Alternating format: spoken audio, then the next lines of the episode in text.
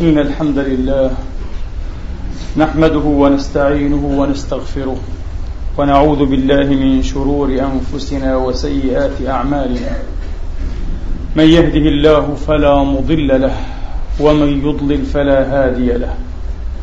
وأشهد أن لا إله إلا الله وحده لا شريك له. وأشهد أن سيدنا ونبينا وحبيبنا محمدا عبد الله ورسوله. وصفوته من خلقه وأمينه على وحيه ونجيبه من عباده.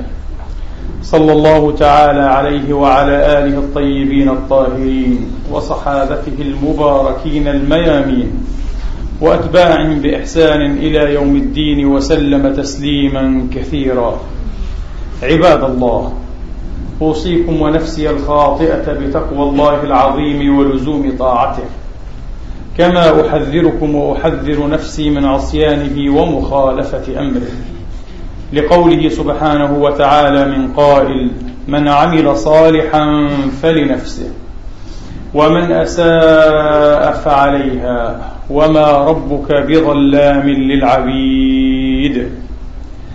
ثم أما بعد أيها الإخوة المسلمون الأفاضل أيتها الأخوات المسلمات الفاضلات يقول المولى الجليل سبحانه وتعالى في كتابه الكريم بعد أن أعوذ بالله من الشيطان الرجيم.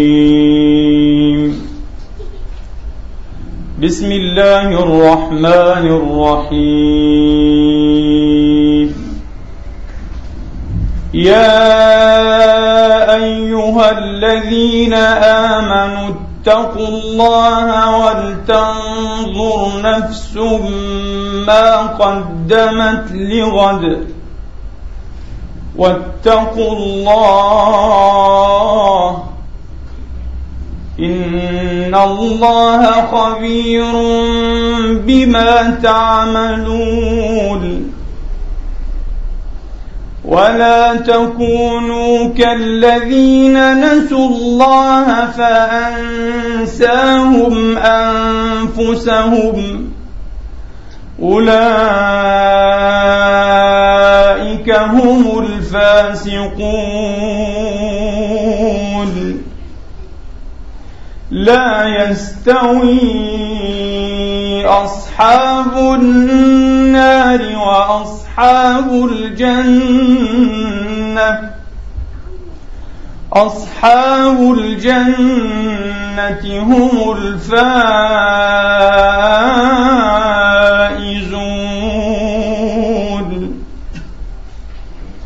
لو أنزلنا هذا القرآن على جبل لرأيته خاشعا متصدعا.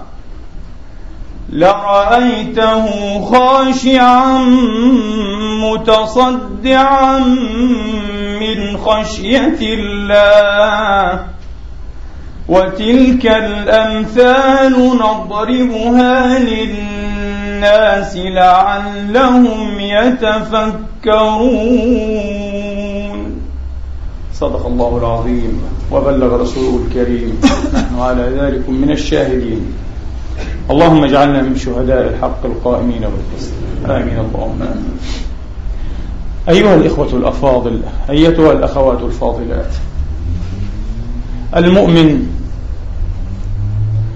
حين يعمل العمل وبعد أن يفرغ من عمله لا بد أن يكون مستغرقا في حالين في حال المراقبة وفي حال المحاسبة. حين يعمل العمل لا بد أن يكون شديد الحذر شديد التيقظ مراقبة لله سبحانه وتعالى. وبعد أن يفرغ من عمله خيرا كان هذا العمل أو شرا لأن كل ابن آدم خطاء. والإنسان أيها الإخوة مأخوذ من النسيان الإنسان يخطئ وينسى ويغفل ويلهو ويستدرج ويستغوى. هذا هو حال ابن آدم. فلا بد بعد أن يفرغ من العمل أن يعود إلى نفسه وعلى نفسه بالمحاسبة. وما معنى المحاسبة؟ المحاسبة معناها أيها الإخوة أن يتساءل فيما بينه وبين نفسه. ماذا أردت بهذا العمل؟ هل أردت به وجه الله تبارك وتعالى؟ ماذا أردت بهذا الترك؟ بعض الناس يحسب أن العمل فقط هو العمل الوجودي لا. حتى الأشياء التي تذرها أو تتركها هي أيضا من الأعمال المحسوبة لك أو عليك. لابد أن تتساءل ماذا أردت أيضا بهذه التروك أو بهذا الترك من الأعمال؟ إن فرط منك شيء معصية من المعاصي خطيئة من الخطايا والعياذ بالله لابد أن تعود على نفسك بالملام. لا ينبغي أن تقيم لها العذر لأن النفس والعياذ بالله والهوى والشيطان والغرور غرور ابن آدم والعياذ بالله دائما يحسن ويزين له عمله ويقيم له المعاذير. أنا معذور وهذا مقبول مني وإن شاء الله الله لن يحاسبني على هذا لأنه يعرف ظروفي وشروطي وأحوالي. هذا غير صحيح والعياذ بالله. قال أحد الصالحين إذا ظفر إبليس من ابن آدم بثلاث لم يطلبه بشيء سواهن أي بثلاث خصال. الخصلة الأولى والعياذ بالله أن يستكثر عمله أن يعجب بعمله. الحمد لله أصلي كثيرا وأتصدق كثيرا وأقوم الليل وأختم القرآن كل شهر مرة أو مرتين. يعجب بعملي إبليس يحب هذا جدا أن تعجب بعملك. لأن هذا أو لأن هذه والعياذ بالله هي مدرجة الهلاك. أن تعجب بعملك هذا موضوع آخر. والأمر الثاني والعياذ بالله أن ينسى ذنبه. نسيان الذنب. بعض الناس يظن أن كل ذنب أذنبه هو مغفور لا محالة وتلقائيا. غير صحيح أيها الإخوة. غير صحيح. الذنب لا يغفر إلا بتوبة أو بحسنات ماحية.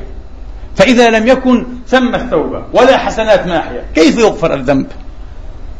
ولذلك قال المصطفى عليه الصلاة وأفضل السلام لمعاذ بن جبل آه، وأتبع وأتبع السيئة الحسنة تمحها تريد أن تمحى السيئة؟ لابد من الحسنة. لكن لا تعمل الحسنات ولا تحدث التوبة النصوح الصادقة بل تحطب والعياذ بالله في حبل السيئات. ثم تأمل أن الله يغفر لك هذا كله هذا من الغرور والعياذ بالله. هذا من الغرور. الغرور برب العالمين ما غرك بربك الكريم. قال عمر غره والله جهله. جهل بالله عز وجل. ليست المسألة بهذه السهولة وإلا لاستوى الصالحون والطالحون والمحسنون والمجرمون. كلا لا بد من حسنات ماحية ولا بد من توبة ولا بد من توبة. سأل أبو علي الفضيل ابن عياض رحمة الله عليه أحد الناس قال له يا فلان أو يا أبا فلان كم عمرك اليوم؟ قال بلغت الستين ستين سنة أنا ابن ستين سنة. قال يا رجل أما أنا الأوان أن ترجع إلى الله وأن تتقيه. يبدو أن الرجل كان مخلاطا يخلط العمل الصالح بالعمل السيء. أنت ابن ستين ومن بلغ ستين حج أيها الإخوة فقد دنا الوصول إلى المنزل وكأن قدي من بلغ ستين سنة فقد دنا وصوله إلى آخر منزل وكأن قدي. قال عليه الصلاة والسلام أعذر الله سبحانه وتعالى إلى عبد أخر أجله حتى بلغ الستين كما في صحيح البخاري. من بلغ ستين سنة ليس له عذر عند الله تبارك وتعالى لا يستطيع أن يحتج على الله بأي شيء. يقول له يا رب أنت اخترمت أجلي وأنا شاب. اخترمت أجلي وأنا صغير. يقول له الله لا. أنا مددت لك في المهلة ستين سنة ولم تعد ولم تتب ولم تحسن من وضعك فليس لك اليوم عندي عذر. انتهى العذر. ستون سنة. فالرجل خاف طبعا وارتعش وقال يا أبا علي فما العمل؟ فما العمل وقد أسأنا فيما مضى. عمري ذهب سبهللا والعياذ بالله. قال يا أبا فلان أحسن فيما بقي يغفر لك إن شاء الله ما قد مضى. أحسن أحسن في البقية. لا تدري كم تعيش بعد الستين خمس سنوات عشر سنوات عشرين سنة ثلاثين سنة. أحسن في البقية. فإن الرب كريم وإن الرب غفار وإن الله سبحانه وتعالى أيها الإخوة الله سبحانه وتعالى يسعده ويفرحه جدا أن يعود أن يتوب العبد. فالله تبارك وتعالى حريص على استنقاذنا من نار جهنم. هو يحب هذا. ولا يحب العكس. ما يفعل الله بعذابكم. إن شكرتم وآمنتم. ولذلك من أحسن وهذا ورد مرفوعا إلى رسول الله عليه الصلاة والسلام. من أحسن فيما بقي غفر الله له وكفي إن شاء الله. ما قد مضى ما قد سلف. هكذا. حتى الكفار. من تاب وأناب وعاد غفر له ما قد سلف. هكذا نطق الحق سبحانه وتعالى قال أحسن فيما بقي يغفر لك إن شاء الله ما قد مضى. هكذا. أيها الإخوة يا أيها الذين آمنوا اتقوا الله ولتنظر نفس ما قدمت لغد.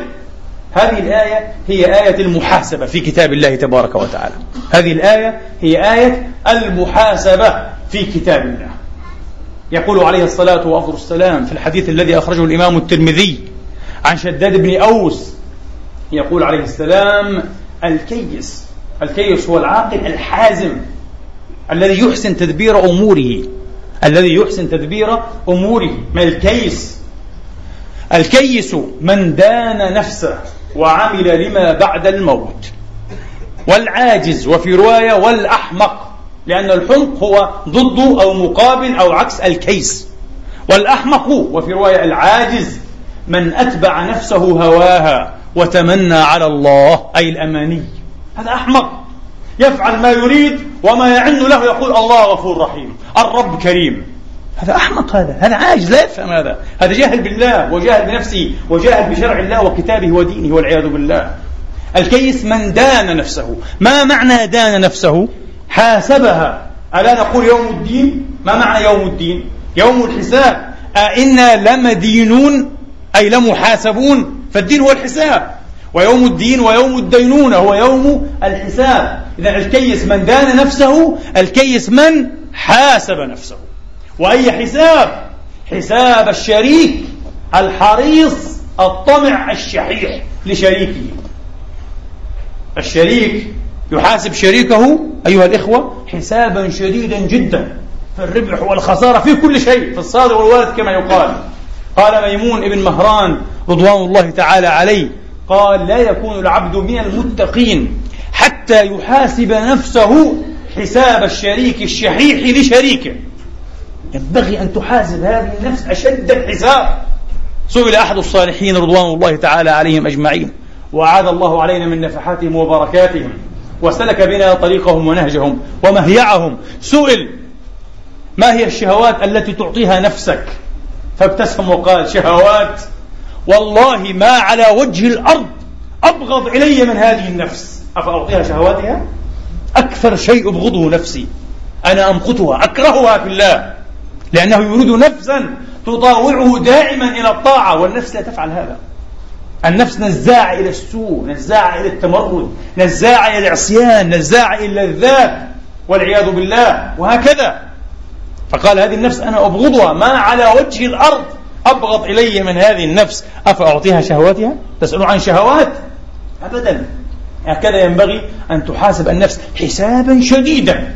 هذه الفكرة أيها الإخوة لا تروق للذين تأثروا بالأفكار الغربية. والذين استهواهم نمط الحياة والعيش الغربي هنا في الغرب يعيشون على الضد تماما وفكرة كهذه منبوذة مرفوضة مستحمقة مستنكرة مستهجنة عندهم بالكلية. لماذا؟ لأنهم لا يعلمون إلا ظاهرا من الحياة الدنيا وهم على الآخرة غافلون. لا يؤمنون إيمانا حقيقيا بالآخرة ولا بالدينونة. أبدا أيها الإخوة. يحسبون أن الله تبارك وتعالى خلق أو ينبغي عليه والعياذ بالله أن يخلق الدنيا والآخرة لإمتاعهم وعلى طريقتهم هم وعلى هواهم هم ولذلك مبدأهم أن تمتع هذه النفس بما أحبت وبما اشتهت. مرفوض هذا مرفوض. لأن هذه النفس كما قلت لكم خبيثة ونزاعة إلى كل سوء وإذا أعطيتها سؤلها نزعت بك والعياذ بالله شر منزع. ستفعل أخس الخسائس وأكبر الكبائر. ولن ترعى لا لله ولا لقريب ولا لرحم ولا لصديق. آه. ذمة ولا رحما ولا حقا. سوف تختار الحقوق والعياذ بالله. فهذه النفس لا تعطى مناها. ينبغي أن لا تعطى كل ما تشتهي. ينبغي أن تزم وأن تخطم بحبل الشريعة. كما قال مالك ابن دينار رضوان الله تعالى عليه. قال رحم الله عبدا صالحا. أقبل على نفسه فحاسبها وقرعها وقال ألست صاحبة كذا؟ ألست صاحبة كذا؟ ألست صاحبة كذا؟ حين تعجب بنفسك ويزدهيك عملك ينبغي أن تقول لنفسك لا كلا قفي عند حدك والزمي طورك. ألست النفس التي فعلت في يوم كذا كذا وكذا من الذنوب؟ كذا وكذا من المقابح كذا وكذا من الشناعات؟ وكل منا له ذنوب وقاذورات ومقابح وشناعات والعياذ بالله. لماذا تعجب؟ ولذلك قال الصالحون العاقل لا يدع ما ظهر للناس من حسن عمله يغريه ويعميه عما بطن من سوء فعله. الناس يرون مني الجميل وأنا أعرف من نفسي القبيح. فلا أغتر بمرآي الظاهر للناس أني أعرف من نفسي ما لا يعرف الناس مني. ومن هنا يكون تواضع المؤمن. وإخبات المؤمن وصدق المؤمن لا يتبجح ولا يزدهى ولا يغتر ولا ينتفخ ولا ينتفج بالعكس متواضع مخبت لأنه يعلم حقيقة نفسه. هكذا كان الصالحون أبدا أيها الإخوة هكذا كان الصالحون أبدا رضوان الله تعالى عليهم. قال ألست صاحبة كذا ألست صاحبة كذا ألست صاحبة كذا؟ ثم زمها وخطمها ثم جعل كتاب الله قائدها. ثم زمها بالزمام زمام الشريعة وخطمها. لا يعطيها كل ما تريد. كيف؟ هيهات هيهات. ثم جعل أي كتاب الله قائدها القائد هو كتاب الله. ما أحل الله فهو الحلال. ما حرم الله فهيهات هيهات. هو الحرام وهكذا. ما استحبه الله فهو المحبوب المدنى المقرب إن شاء الله. ما أبغضه الله فهو المبغض الممقوت المقلي المتروك منا إن شاء الله. هذا هو المؤمن. هذا هو المؤمن. قائده وإمامه كتاب الله. وهو في القيامة وفي العرصات سيكون قائده وشفيعه وحجيجه عند الله تبارك وتعالى.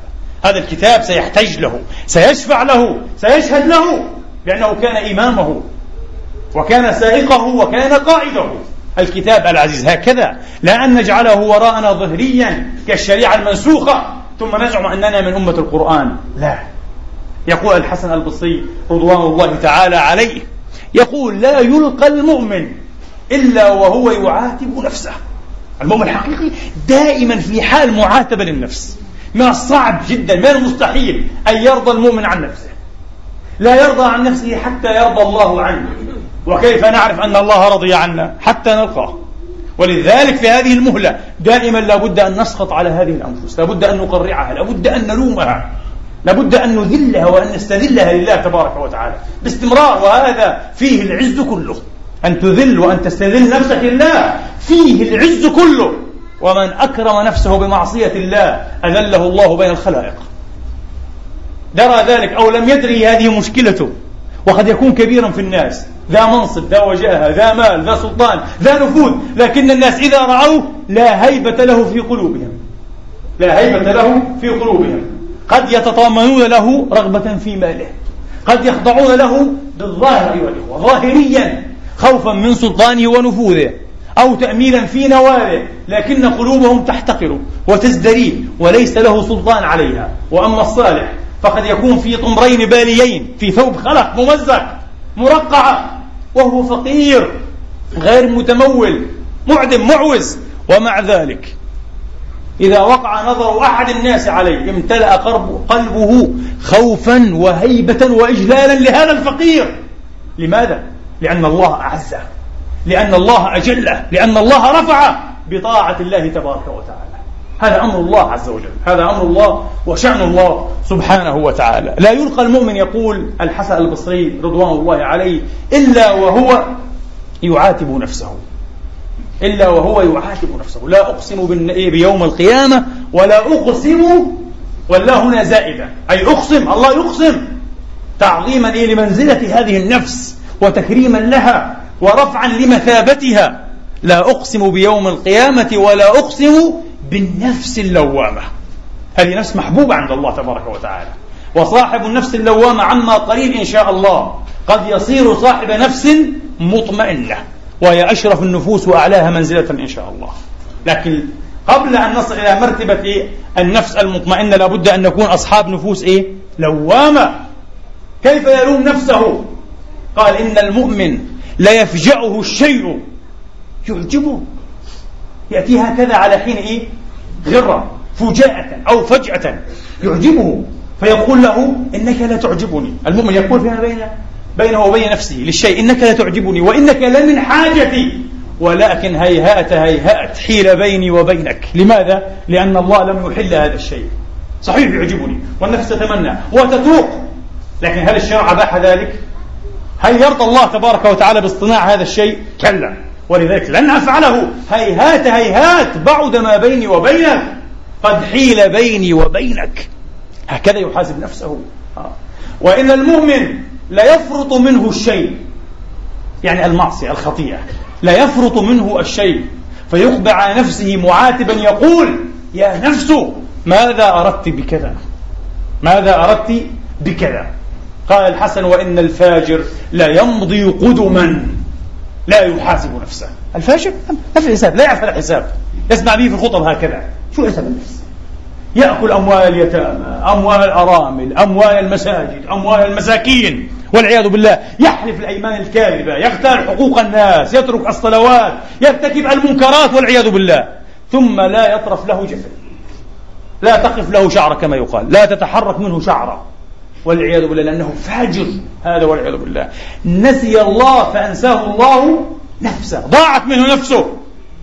روى الإمام الترمذي رحمة الله تعالى عليه ورضي الله عنه عن أنس بن مالك رضوان الله تعالى عن صحابة رسول الله أجمعين. قال قال صلى الله عليه وآله وأصحابه وسلم إن المرأة ليوقف يوم القيامة بين يدي الله كأنه بذج. والبلج كلمة فارسية نطقت بها العرب. معناها أيها الإخوة الحمل الضعيف أشد ما يكون من حملان وتجمع على بذجان. كالحمل الضعيف كالحمل الضعيف من الخوف ومن الأهوال. أهوال في القبر وأهوال في النشور وأهوال في العرصات والساحة والعياذ بالله. نسأل الله أن يقينا وأن يؤمننا يوم الفزع الأكبر. هكذا فيوقف العبد بين الله كأنه بذج حمل ضعيف خروف ضعيف جدا مهزول منزور كأنه بذج. فيقول الله تبارك وتعالى له يا فلان ألم أعطك وأكرمك وأخولك يقول بلى يا رب. فيقول فماذا صنعت؟ أعطيتك. لو حاسب نفسه لخف عليه الحساب في هذه الساعة. لكنه ترك نفسه في الدنيا ولم يحاسبها نسي المسكين. نسي كل شيء. واليوم ينسى فماذا صنعت؟ فيقول يا رب جمعته وثمرته وتركته أكثر ما كان. يا سلام. وهل هذا مراد الله منك؟ أعطاك المال. لكي تثبت لله أنك businessman ممتاز أنك رجل أعمال جيد أنك تستطيع أن تولد الدينار مليون دينار هذا ما أراده الله منك. جمعته وثمرته وتركته أكثر ما كان فارجعني آتك به. أرجعني إلى الدنيا. سآتي بهذا المال اليوم. ما حاجة الله بالمال؟ الدنيا والآخرة لله. الكل في قبضة الله. أنت المحتاج يا مسكين. فيقول الله تبارك وتعالى أرني ما قدمت. الله أكبر. ساعة حساب عسيرة الله أكبر. تعمل مخالفة مرور. يقفك الشرطي ترتعد. خاصة إذا كنت فقيرا أو متوسط الحال صحيح؟ تأتيك رسالة من بوليس الأجانب تسيب كما يقال ركبك. ترتعد مفاصلك. لماذا؟ قد يكون قد يكون إيه كتب في تقرير بأنني من الإرهابيين. خلاص فزع شديد. هذا بشر ضعيف لا يملك لك لا نفعا ولا ضرا إلا ما شاء الله. فكيف برب العالمين إذا وقفك بين يديه وهو الذي يحاسبك. مسكين ابن آدم مسكين فعلا. فيقول أرني ما قدمت؟ فيقول يا رب جمعت وثمرت وتركته أكثر ما كان فارجعني آتك به. فإذا عبد يقول المصطفى عليه الصلاة والسلام فإذا عبد لم يقدم خيرا فيمضى به إلى نار جهنم. قال عمر رضوان الله تعالى عليه حاسبوا أنفسكم قبل أن تحاسبوا وزنوا أعمالكم قبل أن توزن عليكم. وفي رواية وزنوا أنفسكم قبل أن توزنوا. وهذه أدخل في المعنى وزنوا أعمالكم قبل أن توزن عليكم. وتزينوا للعرض الأكبر يومئذ تعرضون أي على الله لا تخفى منكم خافية. رواه الترمذي بغير إسناد. ذكره هكذا بغير إسناد. حاسبوا أنفسكم قبل أن تحاسبوا. قال الحسن البصري فإنما خف الحساب يوم القيامة على أناس حاسبوا أنفسهم في الدنيا وإنما ثقل الحساب يوم القيامة على أناس أخذوا هذا الأمر من غير محاسبة. نسوا أن يحاسبوا أنفسهم. نسوا أن يفتحوا دفترا لأنفسهم وأن يصطنعوا جردا لأعمالهم. فهذا ما سوف يجدونه يوم القيامة والعياذ بالله. وهنا حساب ما بعده إصلاح وتوبة وإنابة في الدنيا. وهناك حساب ما بعده غضب وسخط ونار جهنم. فالحساب هنا مهما كان مهما كان عسيرا شديدا على نفسك لأن النفس تريد أن تعطى مناها ولا تحب أن تعيد الحقوق ولا تحب أن تحدث توبة ولا تحب أن تعترف بخطاياها ولا تحب أن تذل لله تبارك وتعالى. شديد على النفس. لكن أيهما أشد؟ هذه الشدة أو شدة يوم القيامة؟ كلا شدة يوم القيامة. أشد بمرات ومرات. لا قياس. لا مقارنة.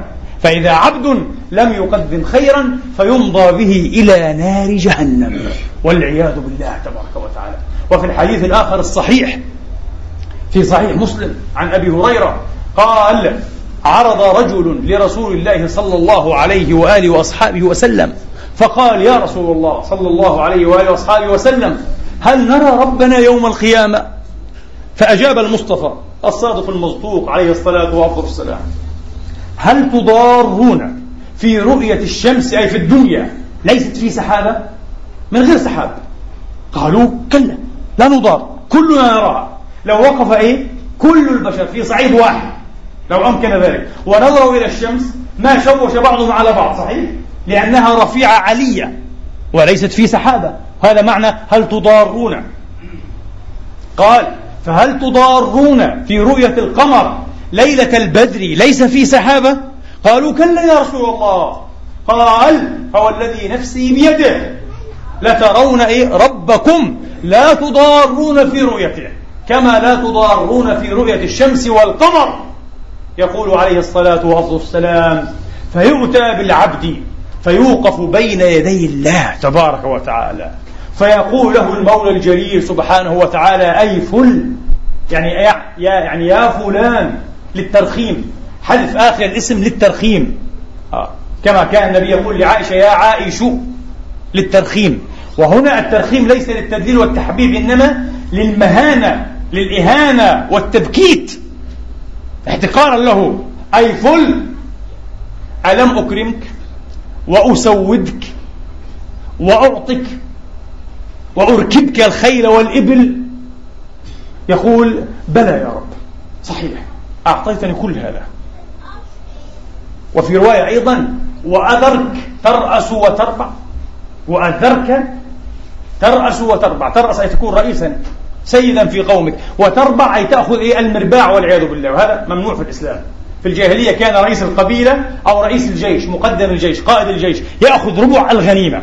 وهذا معنى إيه؟ ترأس وتربع. رئيسا سيدا أو مسودا وتربع تأخذ ربع الغنيمة لك. هكذا فيقول بلى يا رب. فيقول الله تبارك وتعالى أفظننت أنك ملاقي؟ يقول كلا. فيقول فإني أنساك اليوم كما نسيتني إلا نار جهنم. طبعا هذا كافر لكن حتى المؤمن والعياذ بالله المؤمن الفاسق الفاجر الذي نسي الله في أشياء كثيرة ينسى يوم القيامة أيضا. انتبهوا ليس فقط الكافر. فإني أنساك اليوم كما نسيتني. ثم يؤتى بالثاني ويقول له المولى الجليل نفس المقالة ويسأله فهل ظننت أنك ملاقي؟ فيقول كلا يا رب فيقول فإني أنساك اليوم كما نسيتني. طبعا المصير معروف نار جهنم. ثم يؤتى بالثالث فيقول يا ربي يقول له نفس المقال ويسأله فيقول يا ربي آمنت بك وبكتابك وبنبيك وصمت وتصدقت وصليت ويثني بحسن ما شاء. يذكر أشياء كثيرة كان يفعلها أشياء حسنة طيبة. كان يصلي ويصوم ويتصدق ويذكر أشياء كثيرة. فيقول الله تبارك وتعالى اليوم ها هنا. أنت تكذب على الله تحاول أن تخدع الله تبارك وتعالى اليوم ها هنا. سنبعث عليك شاهدا من نفسك. ليست المسألة بالكلام كما في الدنيا. أفسق الفساق يأتي ويجادل ويناضل أنه أحسن من أحسن الصالحين. والله لك أي من مرة سمعنا فيها والعياذ بالله وكلكم تسمعون وكل يوم بعض الفاسقين صلاة لا يصلون. وكفى بهذا الفسق فسقا. كفى بترك الصلاة جريمة وجريرة وكبيرة. لا حظ في الإسلام. لمن لا صلاة له؟ والعياذ بالله. أول ما يبدأ آه، به العبد يوم القيامة أي بحسابه الصلاة. وكل شيء على منوالها بعدها. هذا هو. صلاة لا يصلي والعياذ بالله. ويفعل كبائر. ويقسم بالله أنه أحسن من الشيوخ ومن رواد المساجد ومن أصحاب الجمع والجماعات. نعوذ بالله من عمى البصر والبصيرة. هذا الملاك والعياذ بالله. على لسان الشيطان رجيم. هكذا. وهذا الله يقول له اليوم ها هنا. ليس كما تريد ليست المسألة بالدعاوى والمزاعم. اليوم نبعث عليك شاهدا من نفسك. يقول الرسول عليه الصلاة والسلام فيتفكر في نفسه من ذا الذي سيشهد عليه فيأمر الله تبارك وتعالى فخذه. يقول له انطقي بما كان يعمل. فيأمر الله تبارك وتعالى فخذ فتنطق فخذه ولحمه وعظامه بعمله. والعياذ بالله. يقول النبي عليه الصلاة والسلام فذلك المنافق وذلك الذي يسخط الله عليه. لكن هو كان يصلي. انتبهوا. كان يصلي فيما يظهر للناس. كان يصوم فيما يظهر للناس. كان يتصدق فيما يبدو للناس. لكن لم يرد بهذا أو بشيء من هذا وجه الله. منافقا كذابا. كان يعبد الناس كان يرائي بعمله الصالح فيما يبدو. الناس فقط لم يرد الله. أما جسمه فهو يعلم أنه كذاب. أعضاؤه تعلم أنه كذاب والعياذ بالله.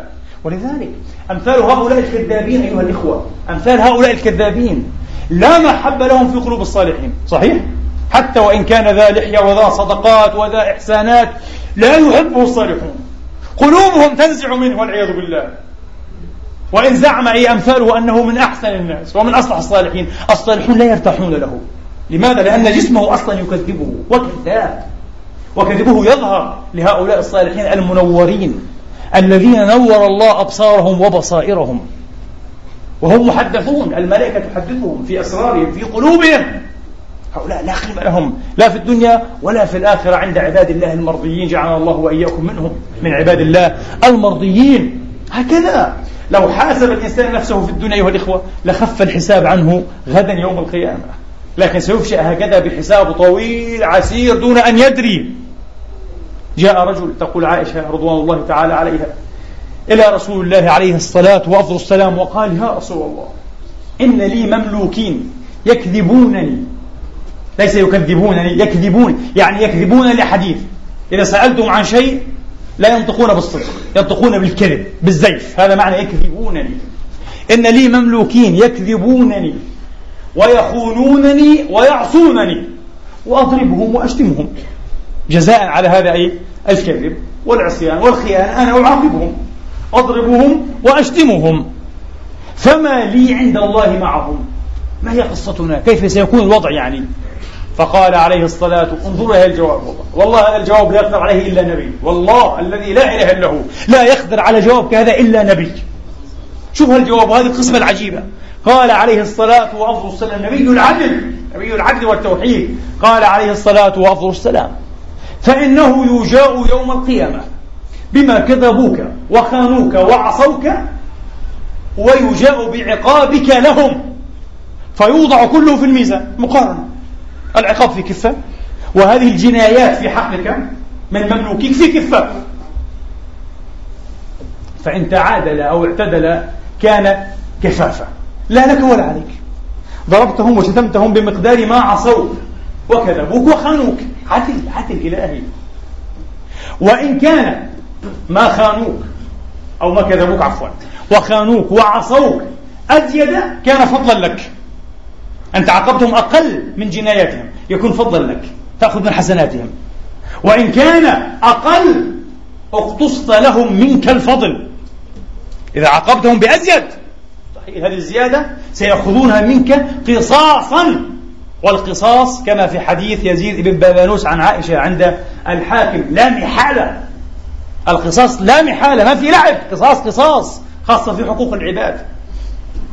يقول عليه الصلاة والسلام في هذا الحديث الذي روته عائشة وأخرجه الإمام الحاكم في مستدركه على الصحيحين يقول الدواوين يوم القيامة ثلاثة فديوان لا يغفر الله منه شيئا ولا شيء لا يغفر منه شيء.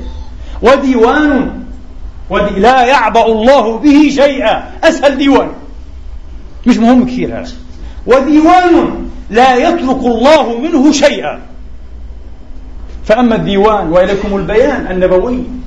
فأما الديوان الذي لا يغفر الله منه شيئا فالشرك بالله قال الله تعالى إن الله لا يغفر أن يشرك به ويغفر ما دون ذلك لمن فاحذروا الشرك أيها الإخوة ظاهره وخفيه كبيره وصغيره في حال الغضب بالذات والسخط. بعض الناس إذا غضب وإذا استفز يتلفظ والعياذ بالله بألفاظ كفرية وشركية فربما حبط عمله وهو لا يدري انتبهوا مش لعبة ما في لعبة. هذا وربما يموت بعد ذلك. حدثتكم مرة عن قصة رجل عاد من الحج والعياذ بالله. عاد من الحج أدأب نفسه وأتعبها. وحين عاد ولم يستقبل استقبالا جيدا فنطق بكلمة الكفر والعياذ بالله منه ومن فعله. فمات في ساعته في موقفه. لم يصل بيته مات مباشرة. يبدو أن هذا كان منافقا فاجرا كذابا مرائيا كبيرا. وأبى الله إلا أن يحرمه من كل خير حتى الحجة التي حجها. والله أعلم بماذا حج بأي مال وكيف حجها. فختم له أمام الناس على أنه كافر ختم له بالكفر والعياذ بالله. فمات في موقفه في مكانه من لحظته والعياذ بالله تبارك وتعالى. قصة حصلت قبل سنين بضع سنين مخيفة. في بلد عربي لا نذكر. المهم فهذا الديوان الأول. وأما الديوان الذي لا يعبأ الله به شيئا سهل جدا. فظلم العبد نفسه فيما بينه وبين ربه. لا إله إلا الله. لا إله إلا هو من رب كريم من رب متسامح عفو غفور لا إله إلا هو. إحنا أشياء بينك وبين الله بتسهل فيها كثير الله تبارك وتعالى. لأنه كريم وهو غني عنك. مش كالبشر البشر يحقدون. ويحملون عليك في قلوبهم ويحبون أن يختصوا في الدنيا والآخرة وأن يشفوا غليلهم. الله لا بالعكس أنت عبده أنت ضعيف بالنسبة إليه وهو يعرف من أنت وما أنت. لذلك لا يبالي كثيرا هذا الديوان. فظلم العبد نفسه فيما بينه وبين ربه. وأما الديوان الذي لا يترك الله منه شيئا فمظالم العباد. يقول عليه الصلاة وأفضل السلام القصاص لا محالة. هذا هو الديوان. القصاص لا محالة. بعض الناس يجود صلاته. كيف يرفع يديه وأين يضعهما وكيف يتأنق في تلاوة الكلمات بأحكام التلاوة كما يسمع في القنوات والفضائيات؟ ولكنه يتساهل جدا إلى درجة الفسق والفجور والملاحاة والمماطلة والعياذ بالله. في ماذا؟ في حقوق الناس. حقوق الناس ما في. هيهات.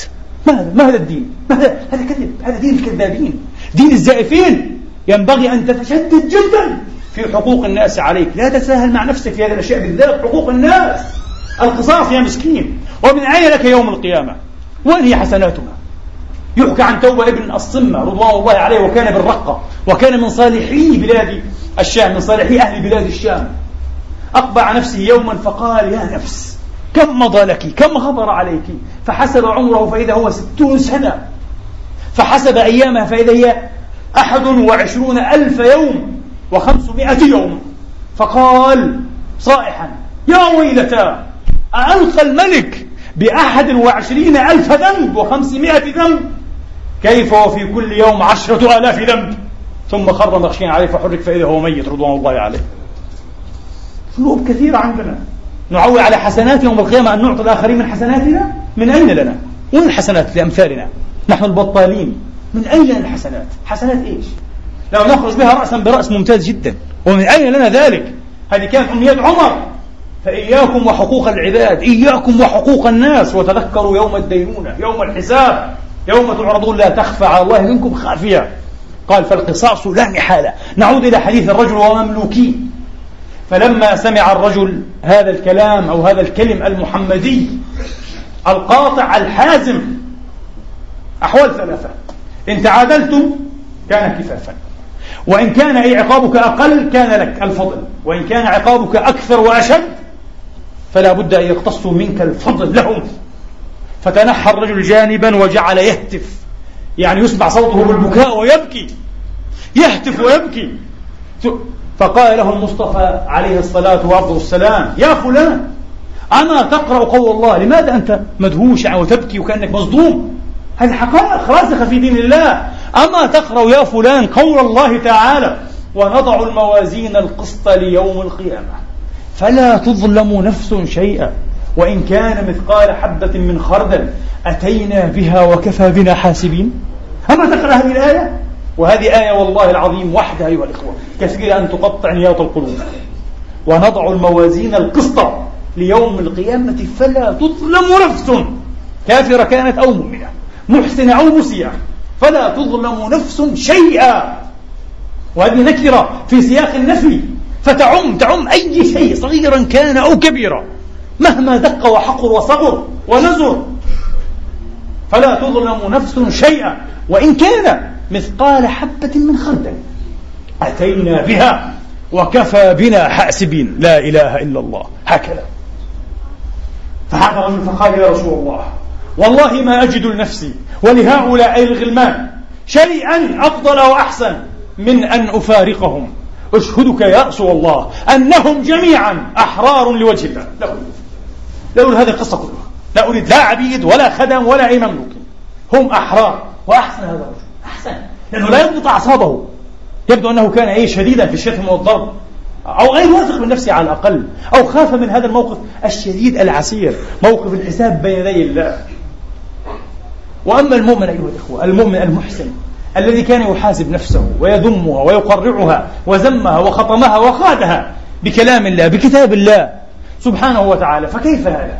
هذا أمر حسن جدا عن صفوان بن محرز المازني قال بين عبد الله بن عمر رضوان الله تعالى عليهم أجمعين يطوف أي بالبيت شرفه الله وأكرمه وزاده مهابة وصانه وحفظه يطوف بالبيت إذ عرض له رجل فقال له يا عبد الله ابن عمر حدثنا ما سمعت من رسول الله في المناجاة. يقول نحن وصلنا بلغنا كلام أن الله يوم القيامة يناجي عبده يتكلم مع عبده المؤمن طبعا.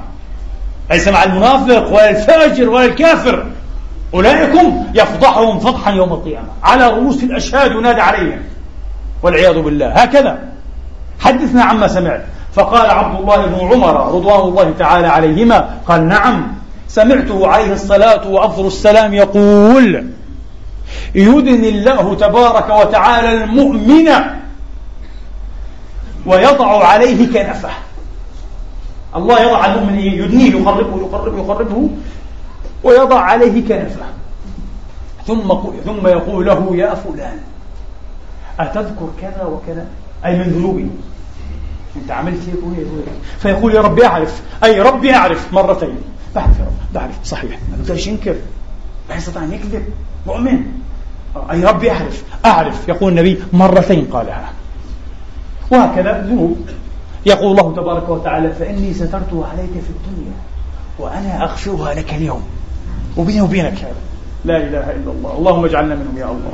بعزتك وبأسمائك وصفاتك. لكن هذا يستأهل ويستحق أن نعمل لهذا الموقف أيها الأخوة. أن نري الله عز وجل من أنفسنا خيرا حتى يدنينا هذا الإدناء وحتى يجعلنا في كنفه وفي حرزه وفي رعايته وفي ستره في جميل ستره لا إله إلا هو.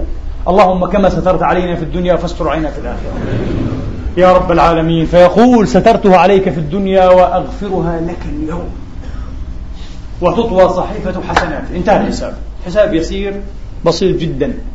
ومن غير فضائح من غير هتك أستار وإفشاء أسرار.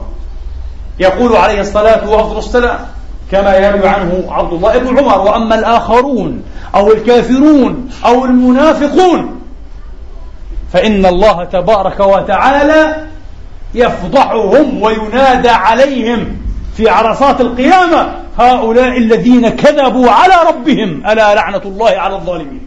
من سورة هود. هؤلاء مفضوحون. ينادى عليهم بصوت عال يبلغ إيه؟ الجمع في المحشر. هؤلاء الذين كذبوا على ربهم ألا لعنة الله على الظالمين. خزي وعار وهوان. روى الإمام الحاكم في مستدركه عن جابر بن عبد الله قال قال صلى الله عليه وآله وأصحابه وسلم إن العار لا يلزم المرء أي صاحب العار مش المرء المؤمن الفاجر الكافر المنافق والعياذ بالله يلزمه العار يوم القيامة والمذلة والخزي والهوان والضعف. إن العار لا يلزم المرء يوم القيامة حتى ينادي ربه يا ربي لإرسالك بي إلى نار جهنم أهون علي مما ألقى. يقول عليه السلام وإنه لا يعلم ما فيها من شدة العذاب. وأنه أشد. ولكن خلاص مش قادر يتحمل الهوان والخزي أمام كل الناس. أخزى الله الظالمين والخائنين والمنافقين والمتواطئين والمتعاملين والمتأمين على هذه الأمة المرحومة. على هذه الأمة المحمدية وجعل الله وإياكم وإخوان المسلمين وأخواتنا المسلمات من عباد الله الراضين المرضيين المستورين في الدنيا والآخرة. إنه ولي ذلك والقادر عليه. أقول هذا القيل وأستغفر الله لي ولكم. فاستغفروه.